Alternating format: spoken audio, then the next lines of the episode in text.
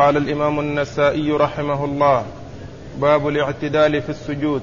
وقال أخبرنا إسحاق بن إبراهيم قال أخبرنا عبده قال حدثنا سعيد عن قتادة عن أنس قال وأخبرنا إسماعيل بن مسعود عن خالد عن شعبة عن قتادة قال سمعت أنس رضي الله عنه عن رسول الله صلى الله عليه وسلم أنه قال اعتدلوا في السجود. ولا يبسط أحدكم ذراعيه انبساط الكلب. اللفظ لإسحاق. بسم الله الرحمن الرحيم. الحمد لله رب العالمين وصلى الله وسلم وبارك على عبده ورسوله نبينا محمد وعلى آله وأصحابه أجمعين. أما بعد يقول النسائي رحمه الله الاعتدال في السجود. المراد بالاعتدال في السجود كل إنسان آه، يأتي بالسجود كما هو مطلوب منه من غير تكاسل ومن غير تجاوز. والتكاسل بأن تعتمد أعضاؤه بعضها على بعض يعتمد بطنه على فخذيه وفخذيه على آه على ساقيه ويكون آه عجزه قريبا من الأرض صفة الكسول الخامل الذي لا يعتمد على أعضائه التي هي يداه وكفاه وقدماه.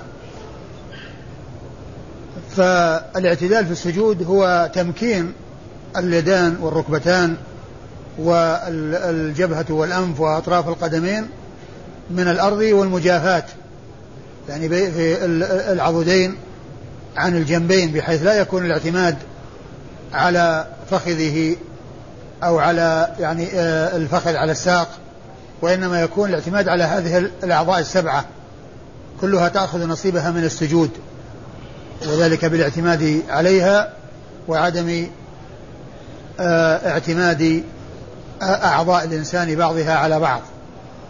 هذا هو الاعتدال في السجود.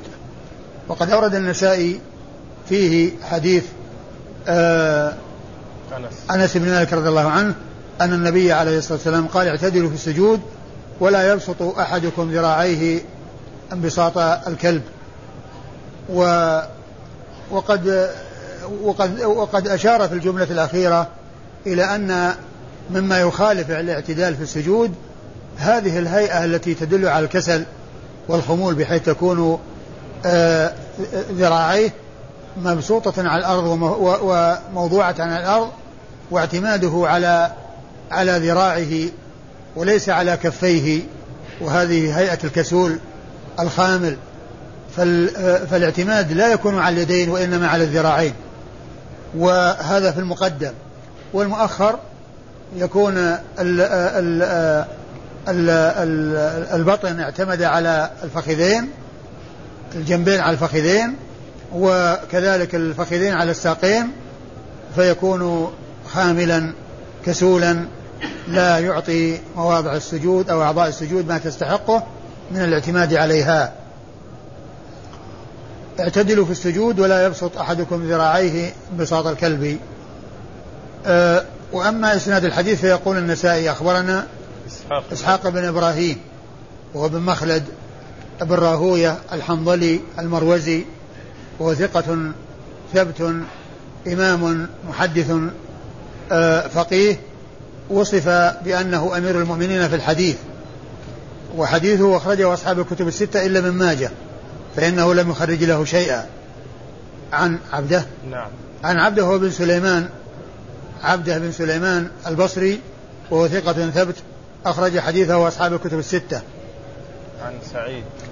عن سعيد هو بن أبي عروبة سعيد بن أبي عروبة البصري وهو ثقة فقيه كثير التدليس آه هو من أثبت الناس في قتادة. من أثبت الناس في قتادة وهو هنا يروي عن قتادة. وهو هنا يروي عن قتادة. وحديثه أخرجه أصحاب الكتب الستة. قتادة شيخه هو بن دعامة السدوسي البصري وهو ثقة أخرج حديثه أصحاب الكتب الستة. عن أنس بن مالك رضي الله عنه صاحب رسول الله صلى الله عليه وسلم وخادمه وأحد السبعة المعروفين بكثرة الحديث عن رسول الله صلى الله عليه وسلم. أما الإسناد الثاني فيقول النسائي أخبرنا؟ حاء وأخبرنا إسماعيل بن مسعود. حاء وأخبرنا حاء هذه آه، يؤتى بها علامة للتحول من إسناد إلى إسناد والانتقال من إسناد إلى إسناد لأنه ذكر إسناد شيخه إسحاق بن راهوية ولا ومضى فيه إلى آخره ومضى فيه إلى آخره الذي هو أنس بن مالك الراوي عن الراوي الحديث عن رسول الله صلى الله عليه وسلم. ثم قال حاء أي إشارة إلى التحول من إسناد إلى إسناد. ثم قال وأخبرنا الواو عاطفة. يعني تعطف الإسناد الذي بعد الحاء بعد حاء على الإسناد الذي قبلها.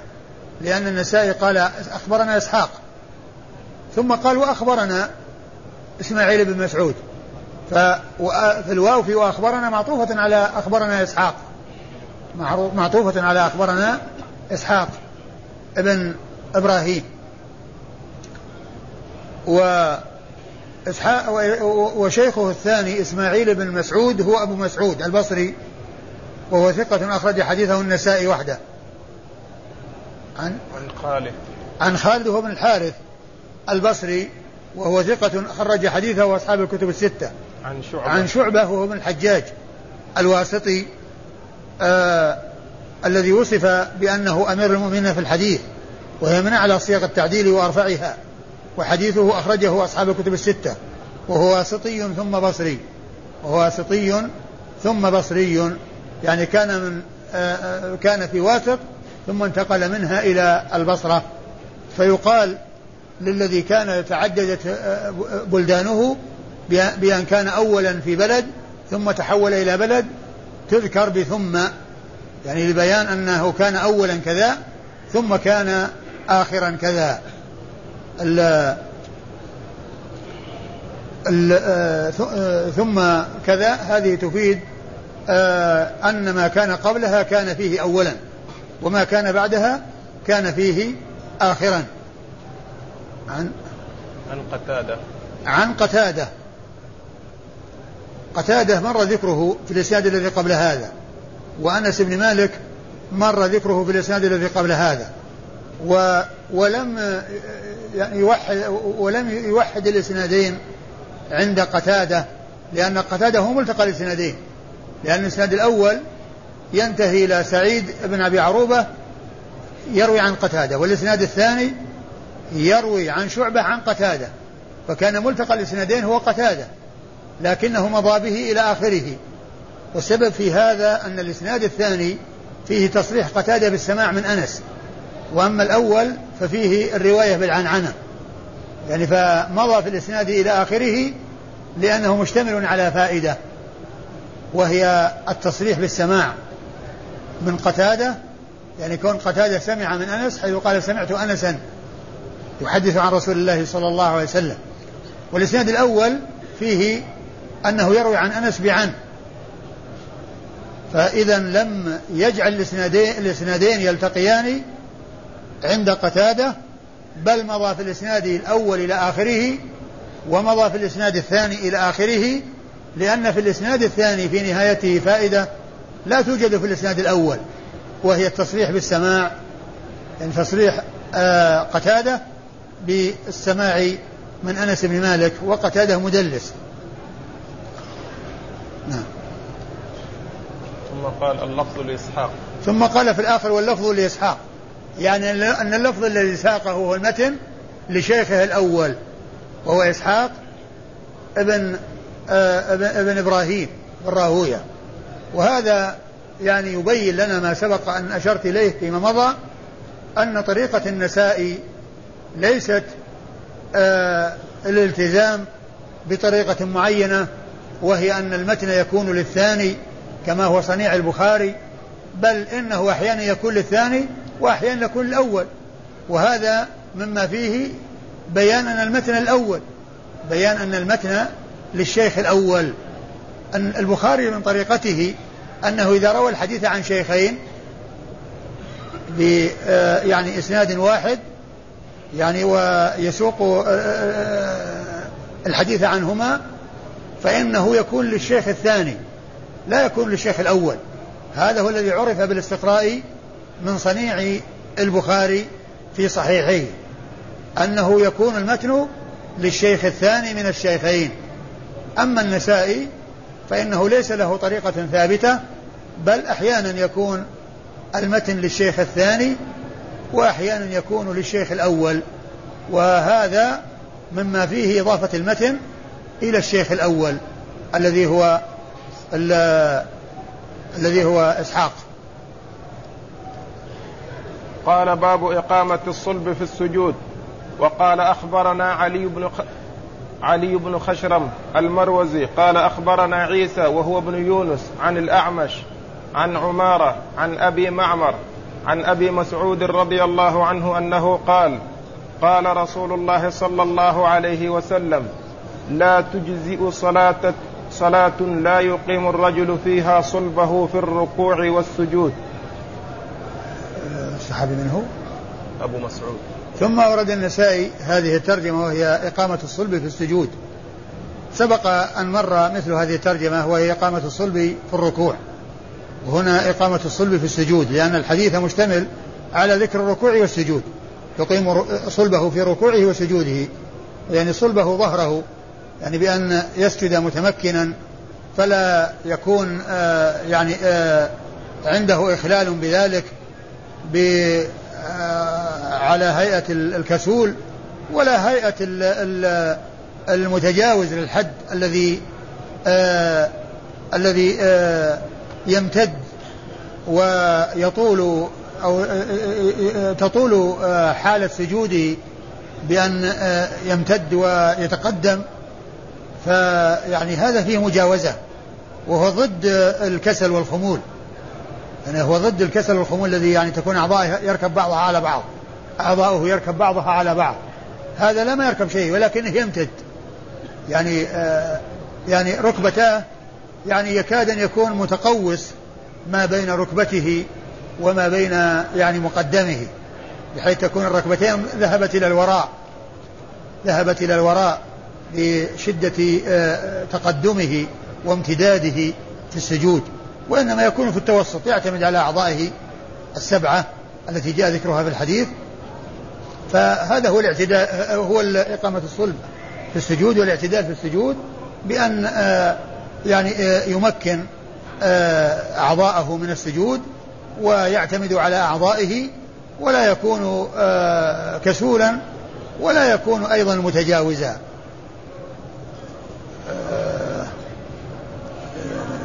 ورد فيه حديث أبي مسعود. ثم ورد حديث أبي مسعود رضي الله عنه. قال لا تجزي صلاة لا يقيم فيها الرجل. أي لا يقيم الرجل فيها صلبه في لا يقيم الرجل صلبه لا يقيم الرجل فيها صلبه في الركوع والسجود. لا يقيم الرجل فيها صلبه في الركوع والسجود. وكلمة الرجل هنا لا مفهوم لها فإن المرأة مثل الرجل وهي تماثل الرجل في الأحكام إلا إذا جاء شيء يخصها أو جاء دليل يدل على اختصاصها بهيئة معينة تخالف الرجال. لأن الغالب ذكر الرجال لأن الغالب أن الحديث معهم. وإلا فإن الأحكام للرجال والنساء. إلا إذا جاء شيء يدل على أن النساء تختلف عن الرجال في الحكم. وإلا فإنهم متساوون. وهذا مثل ما جاء في الحديث من مات وعليه صيام لا تتقدم رمضان بيوم أو يومين إلا رجلا كان يصوم صوما فليصوم. كلمة رجل يعني مثل المرأة. وكذلك من وجد متاعه عند رجل قد أفلس فهو حق به من الغرماء. لو كذلك وجد متاعه عند امرأة إذا كان قد باع على امرأة وأفلست. فذكر الرجال آه يعني آه لا لأن الأحكام تخصهم ولكن لأن الغالب أن الكلام معهم والحديث معهم.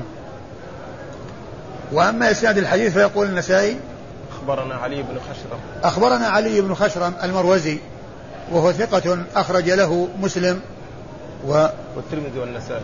أخرج له مسلم والترمذي والنسائي. وهو معمر لأنه عاش قريبا من مئة سنة ما يقارب مئة سنة.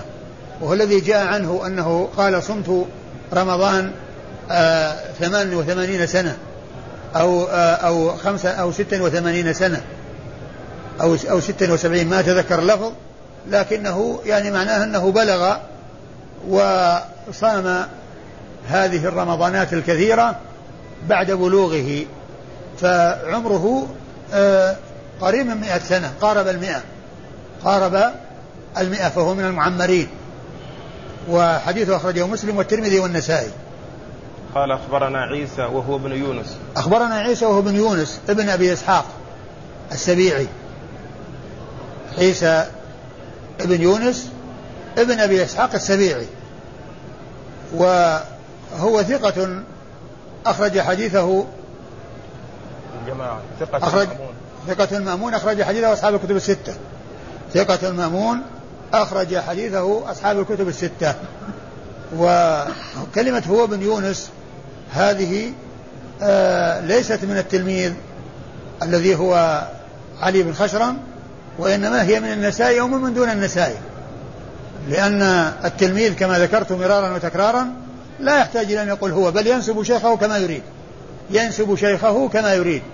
يمكن أن يأتي بسطر يعني كامل لشيخه مثل ما فعل النسائي في إسناد سيأتي لأنه مقدار سطر كامل وزيادة.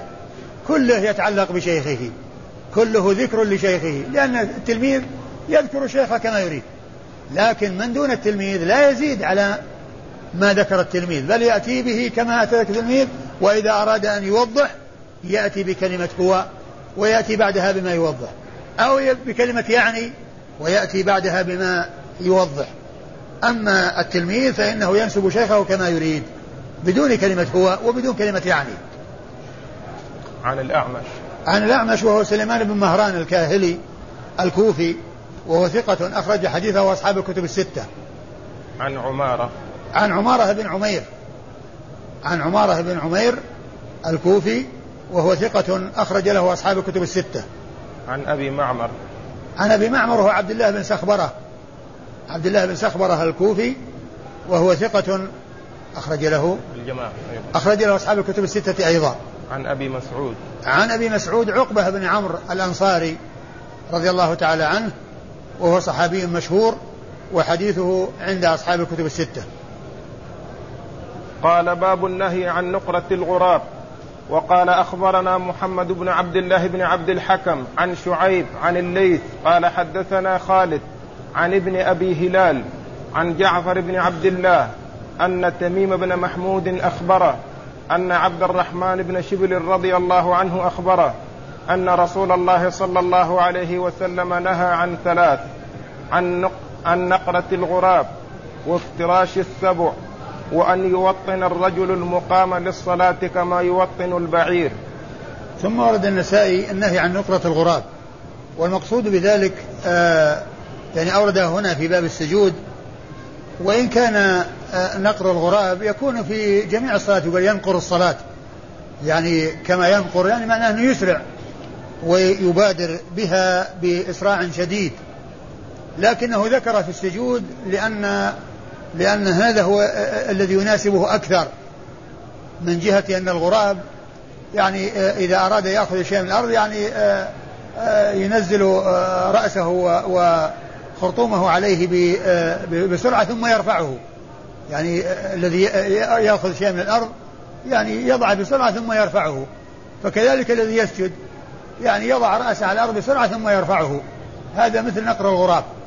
نقر الغراب يعني ذكره في حال السجود لأنه يعني يشبهه وإلا فإن الاستعجال في الصلاة يقال أنه نقر غراب أو أنه ينقر الصلاة كما ينقر الغراب. لكن الشبه أكثر فيما يتعلق بالأرض لأن أنه عندما يريد يأخذ شيء يأكله يعني آه، ينزل رأسه ثم يرفعه ينزل ثم يرفعه بسرعة. بدون آه، تمهل وبدون آه، تؤدة بل بسرعة شديدة. فشبه به من ينقر الصلاة ومن آه، إذا وصل رأسه الأرض أو وجهه الأرض من حين يصل يرفعه دون أن أن أن يستقر ودون أن يطمئن في سجوده. أورد فيه حديث عبد الرحمن بن شبل رضي الله عنه أن النبي عليه الصلاة والسلام نهى عن ثلاث نقرة الغراب وافتراش السبع وأن يوطن الرجل المقامة وأن يوطن الرجل المقامة للصلاة كما في الصلاة كما يوطن البعير. كما يوطن البعير. يعني معناه أنه يتخذ مكانا يلازمه لا يصلي إلا فيه. يعني مثل ما يفعل البعير الذي آه يعني إذا أراد أن يتمرغ في الأرض يأتي إلى الأرض الدمثة والأرض التي آه آه ألف أنه يتمرغ فيها فيختارها ويأتي إلى نفس المكان الذي هو محل التمرغ فيبرك فيه ويتمرغ فيه. فيعني آه، شبه الذي يلازم المكان مكان معين لا يصلي إلا فيه. طبعا هو غير الإمام لأن الإمام مكانه واحد. الإمام مكانه أمام المصلين في مكان معين لكن غير الإمام آه، كونه يعني يكون له مكان لا يصلي فرضه إلا فيه يعني يشبه البعير. ولعل وقد أورد آه، أن النسائي أورد حديث عبد الرحمن بن شبل المشتمل على هذه الأمور الثلاثة. هو محل الشاهد منها الأول وهو قوله نهى عن عن نقرة الغراب. لأن هذا هو محل الشاهد لكونه آه مثل ما ينقط يلقط الأكل بسرعة يعني ينزل رأسه ثم يرفع ثم ينزله ويرفع ويأكل آه هذا يشبهه وهذا هو محل الشاهد. وافتراش السبع وقد مر اللي هو افتراش الكلب وانبساط الكلب يعني كونه يعني يبسط يديه في الأرض ويعتمد على ذراعيه ولا يعتمد على كفيه. لا يعتمد على الكفين وإنما يعتمد على الذراعين على الذراع هو الذي يعتمد عليه وهي هيئة تدل على الكسل. وعلى الخمول. افتراش السبع والكلب كلها يعني بمعنى واحد. وأن يوطن الرجل أو يوطن. الرجل أن يوطن الرجل. المقامة للصلاة. المقامة للصلاة كما يوطن البعير.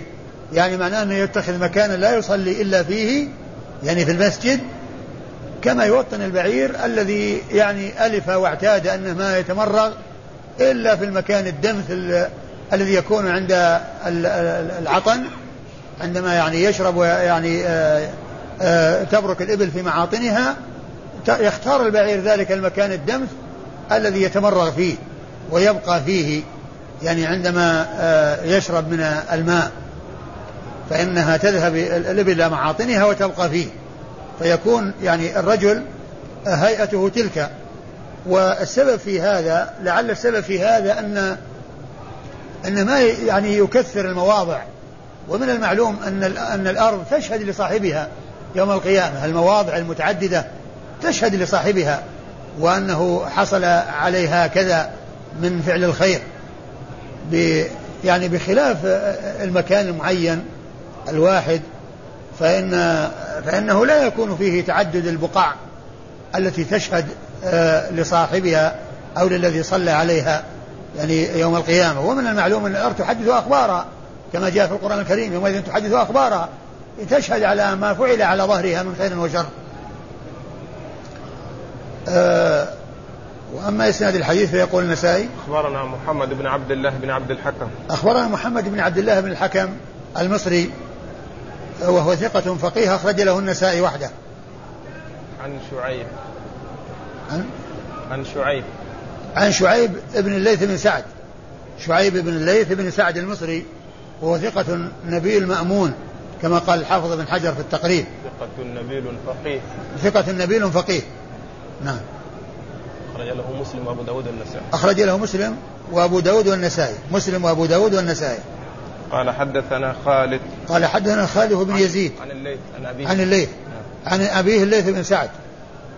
وهو ثقة فقيه آه محدث فقيه مشهور ثقة أخرج له أصحاب الكتب الستة. قال حدثنا خالد. قال حدثنا خالد هو بن يزيد خالد بن يزيد المصري وهو ثقة أخرج له أصحاب الكتب الستة. عن ابن أبي هلال. عن ابن أبي, ابن أبي هلال وهو سعيد. ابن أبي هلال المصري وهو صدوق. وهو صدوق أخرج له أصحاب الكتب الستة. نعم. وهو صدوق أخرج له أصحاب الكتب الستة. عن جعفر بن عبد الله. عن جعفر ابن عبد الله بن الحكم. جعفر بن عبد الله بن الحكم. آه وهو إيش؟ ثقة. أخرج له البخاري في الأدب والباقون. في الأدب المفرد. إيه؟ وهو ثقة أخرج له البخاري في الأدب المفرد ومسلم وأصحاب السنن الأربعة. البخاري في الأدب المفرد ومسلم وأصحاب السنن الأربعة. أن تميم بن محمود أخبر. أن تميم بن محمود أخبره وتميم محمود قال فيه الحافظ في التقريب آه، فيه لين. قال فيه لين. و آه، أبو داود والنسائي أبو داود والنسائي وابن ماجه. خرج له أبو داود والنسائي وابن ماجه. عن أن عبد الرحمن بن شبل أخبره. أن عبد الرحمن بن شبل صاحب رسول الله صلى الله عليه وسلم أخبره وعبد الرحمن بن شبل صحابي أخرج حديثه البخاري في الأدب المفرد ومسلم وأصحاب السنن الأربعة. أبو داود النسائي وابن ماجه. إيش؟ البخاري في الأدب أبو داود والنسائي آه. وابن ماجه. البخاري البخاري في الأدب وأبو داود والنسائي وابن ماجه. نعم. نعم. فتلميذه إلا آه لم يخرج له الترمذي ولا خرج له البخاري في الصحيح. ولا مسلم. ولا مسلم. ولا مسلم. والحديث في سنده تميم بن محمود وقد قال فيه الحافظ فيه لين وقد وثقه آه ابن حبان وتكلم فيه بعض العلماء والشيخ الألباني حسن إسناد هذا الحديث ولعل يعني آه آه ما أدري وجه تحسينه هل يعني آه أنه بمتابع أو وجود يعني شيء يعني آه يعضده في هذا لا أدري. قال باب النهي عن كف الشعر في السجود. وقال أخبرنا حميد بن مسعدة البصري عن يزيد وهو ابن الزريع قال حدثنا شعبة وروح يعني ابن القاسم عن عمرو بن دينار عن طاووس عن ابن عباس رضي الله عنهما أن رسول الله صلى الله عليه وسلم قال أمرت أن أسجد على سبعة ولا أكف شعرا ولا ثوبا. ثم أورد النسائي يعني هذا يعني هذا الترجمه وهي النهي عن كف النهي عن كف الشعر في السجود. النهي عن كف الشعر في السجود. يعني كل الانسان عندما يسجد يعني يكون شعره مكفوفا. يعني بمعنى أنه يرد شعره يعني عن عن كونه آه، مسترسلا إلى جهة الأمام آه، يرفعه إما بأن آه، يجمعه وراء ظهره ويشده أو يرفعه بطاقية أو غيرها بحيث يعني يأخذ الشعر ويجعله تحتها ويرده إلى الآخر ويرده إلى الخلف. وذلك لأنه لا يمكن يعني الشعر من أن يسجد كما تسجد الوجه كما يسجد الوجه. وإرساله أو تركه دون أن يسفعه ودون أن يرده إلى الآخر فإنه يحصل مشاركة في السجود يعني هو الشعر. يعني يحصل مشاركة يكون له نصيب في السجود. هذا هو وجه يعني النهي عن ذلك. يعني والنسائي أورد حديث ابن عباس رضي الله تعالى عنه أنه قال أمرت أن أسجد على سبعة والسبعة هي جاءت مفسرة في بعض الروايات وقد مر ذكرها هي الوجه الذي هو الأنف والجبهة واليدان والركبتان وأطراف القدمين وأطراف القدمين. هذه الأعضاء السبعة التي أمر النبي صلى الله عليه وسلم أن يسجد عليها. وقوله أمرت الآمر للنبي صلى الله عليه وسلم هو الله عز وجل. لأن الرسول صلى الله عليه وسلم إذا قال أمرت فإن الآمر له هو الله عز وجل. وأما الصحابي إذا قال أمرت أو أمرنا فإنه يقصد بذلك أن الرسول صلى الله عليه وسلم ومن المعلوم أن الرسول صلى الله عليه وسلم مبلغ عن الله. والآمر في الحقيقة هو الله عز وجل والرسول مبلغ عن الله عز وجل. لكن يمكن أن يضاف إلى الرسول صلى الله عليه وسلم مثل ما جاء في حديث علي المتقدم نهاني الرسول صلى الله عليه وسلم ولا أقول نهاكم. نهاني ولا أقول نهاكم ومن المعلوم أن نهي الرسول صلى الله عليه وسلم إنما هو تبليغ عن الله عز وجل ويضاف إليه النهي والأمر لأنه هو الذي بلغ عن الله عز وجل. وإلا فإن الآمر الناهي في الحقيقة هو الله عز وجل. والله عز وجل يقول إن هو إلا وحي يوحى. وما ينطق عن الهوى إن هو إلا وحي يوحى. يعني السنة هي وحي من الله عز وجل إلا أنه وحي غير متعبد بتلاوته كالقرآن. وإلا فإن القرآن والسنة متعبد بالعمل بهما تصديق أخبارهما وامتثال أوامرهما واجتناب نواهيهما. آه ثم قال وألا أكف شعرا ولا ثوبا. ولا أكف شعرا. ولا أكف شعرا ولا ثوبا. ولا أكف شعرا ولا ثوبا. قوله ولا أكف شعرا يعني بأن آه، يكفه يعني عن آه، في مقدمة رأسه بحيث يرجعه إلى الوراء سواء كان بشده أو بوضع آه، شيء عليه يرده إلى الآخر مثل الطاقية. الإسناد أخبرنا حميد بن مسعدة. أخبرنا حميد بن مسعدة البصري. وهو صدوق أخرج له مسلم وأصحاب السنة الأربعة. عن يزيد وهو ابن زريع. عن يزيد وهو بن زريع. وهو ثقة ثبت أخرج له أصحاب الكتب الستة. وكلمة هو بن زريع هذه أضافها من دون حميد بن مسعدة الذي هو النسائي أو من دون النسائي. كما كما مر بنا قريبا عند آه، عيسى بن يونس. عيسى هو بن يونس. آه، الكلام الذي قيل هناك هو مثله الكلام على هذا الموضع. قال حدثنا شعبة وروح يعني ابن القاسم. قال حدثنا شعبة وروح يعني ابن القاسم. ولو حدثنا شعبة شعبة هو من الحجاج الواسطة ثم البصري ثقة ثابت وصف بأنه أمير المؤمنين في الحديث وقد مر ذكره قريبا. وروح هو ابن القاسم وهو ثقة أخرج له أصحاب الكتب الستة. ثقة؟ إلا الترمذي. أخرج له أصحاب الكتب الستة إلا الترمذي. ثقة حافظ. ثقة حافظ أخرج له أصحاب الكتب الستة إلا الترمذي فإنه لم يخرج له شيئا. وكلمة يعني بن القاسم هذه الذي قالها من دون آه من دون يحيى بن يزيد بن زريع. من دون يزيد بن زريع. الذي قالها من دون يزيد إما حميد بن مسعدة أو النسائي أو من دون النسائي. وكلمة يعني هي مثل كلمة هو. مؤداهما واحد لأن يؤتى بهما للتوضيح. و والمقصود بها أن أن الذي قالها غير التلميذ وفاعل وفاعل يعني ضمير مستتر يرجع للتلميذ. يعني يعني يعني ابن زريع قال من دون يحيى بن زريع يعني يحيى بن زريع يزيد يزيد يزيد بن آه روح بن القاسم. روح بن القاسم. فكلمة يعني لها قائل ولها فاعل. قائلها من دون يحيى من دون يزيد بن زريع. وفاعلها ضمير مستتر يعود إلى يزيد بن زريع. فاعلها ضمير مستتر لأن فعل مضارع. له فاعل.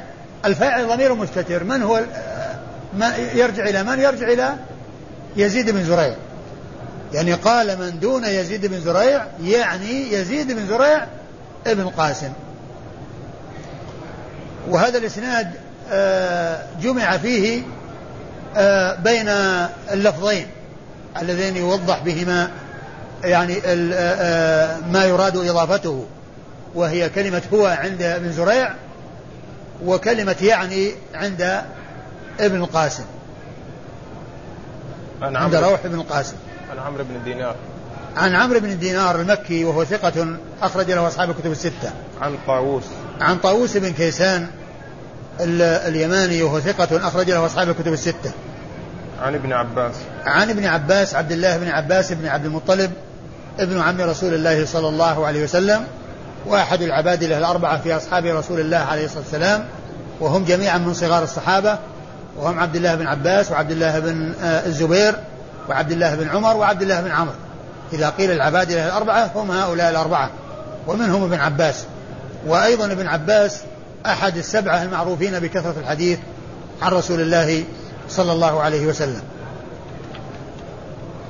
قال باب مثل الذي يصلي ورأسه معقوس وقال أخبرنا عمرو بن سواد بن الأسود بن عمرو السرحي من ولد عبد الله بن سعد بن أبي سرح. قال أخبرنا ابن وهب. قال أخبرنا عمرو بن الحارث أن بكيرا حدثه أن كريبا مولى بن عباس حدثه. عن عبد الله بن عباس رضي الله عنهما أنه رأى عبد الله بن الحارث يصلي ورأسه مأقوس من ورائه فقام فجعل يحل. فلما انصرف أقبل إلى ابن عباس فقال ما لك ورأسي؟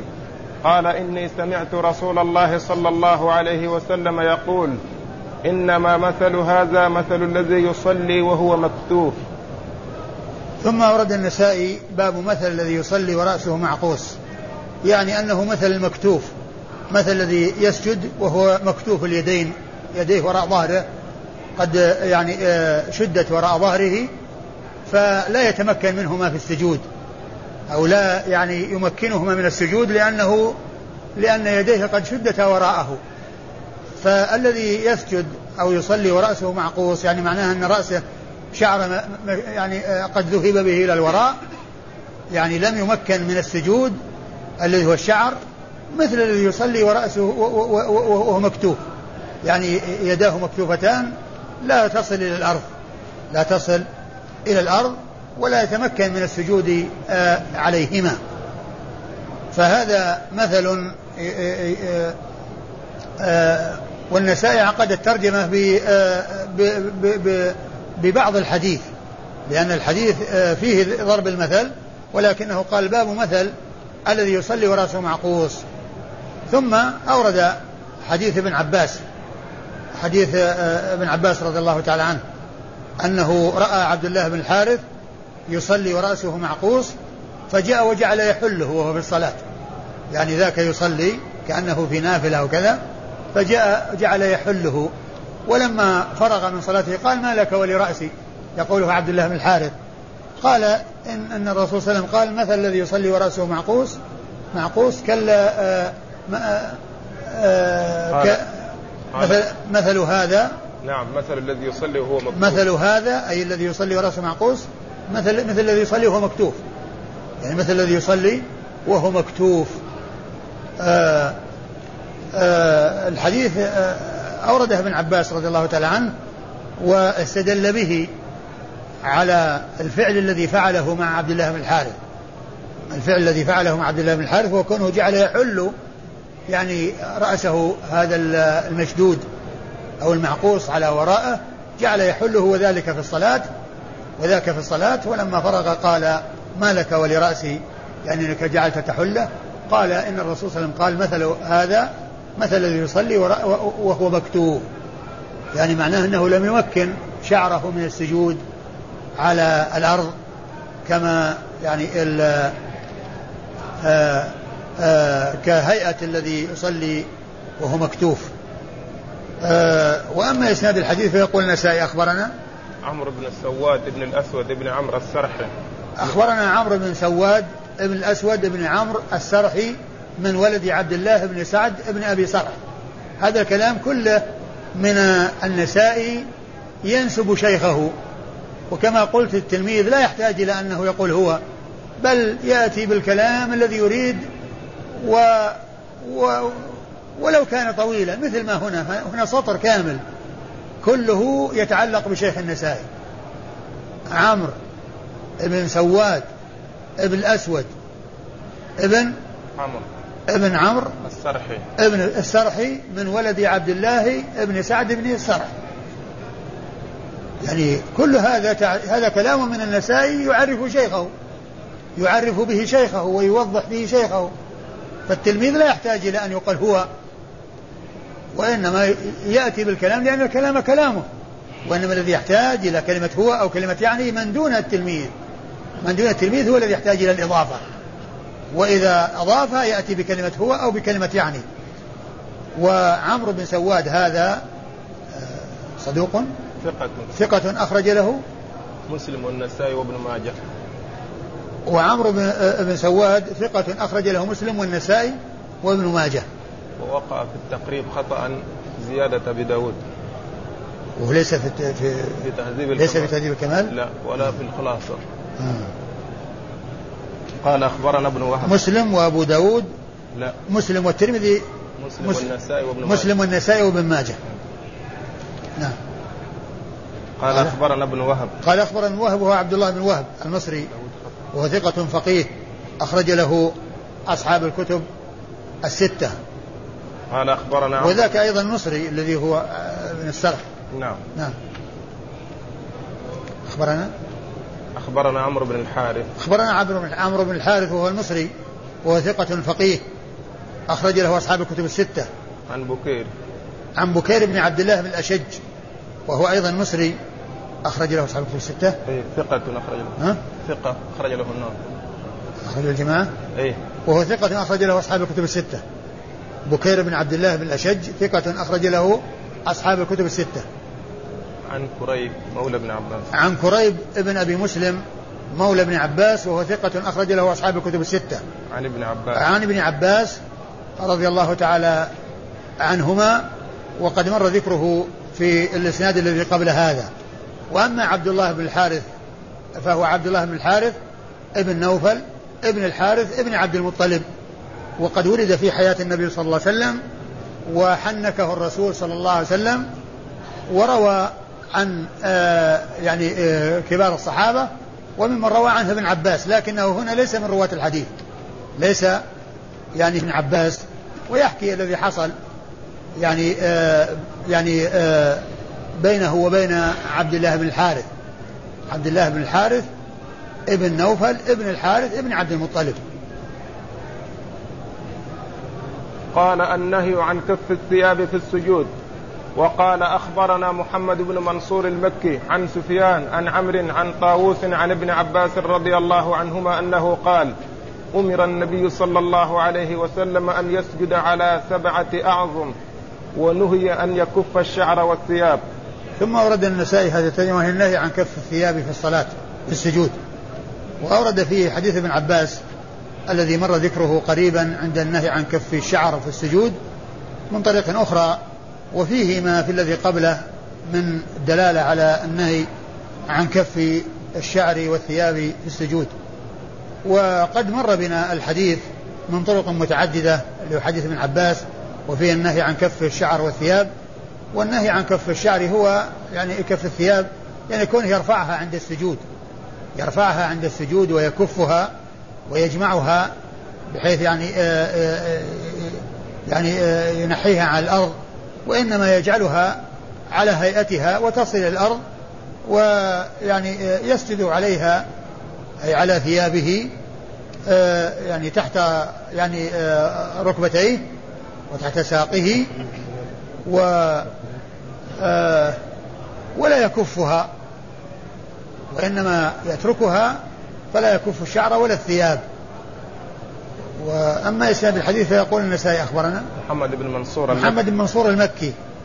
محمد بن منصور هنا نسبه المكي وهو في مواضع ينسبه المكي. وقد سبق أن عرفنا أنه يراد به الجواز الذي هو المكي. لأن من شيوخ النسائي من يسمى محمد منصور الطوسي والمكي. والذي يروي عن سفيان بن عيينة كثيرا هو المكي لأنه من بلده.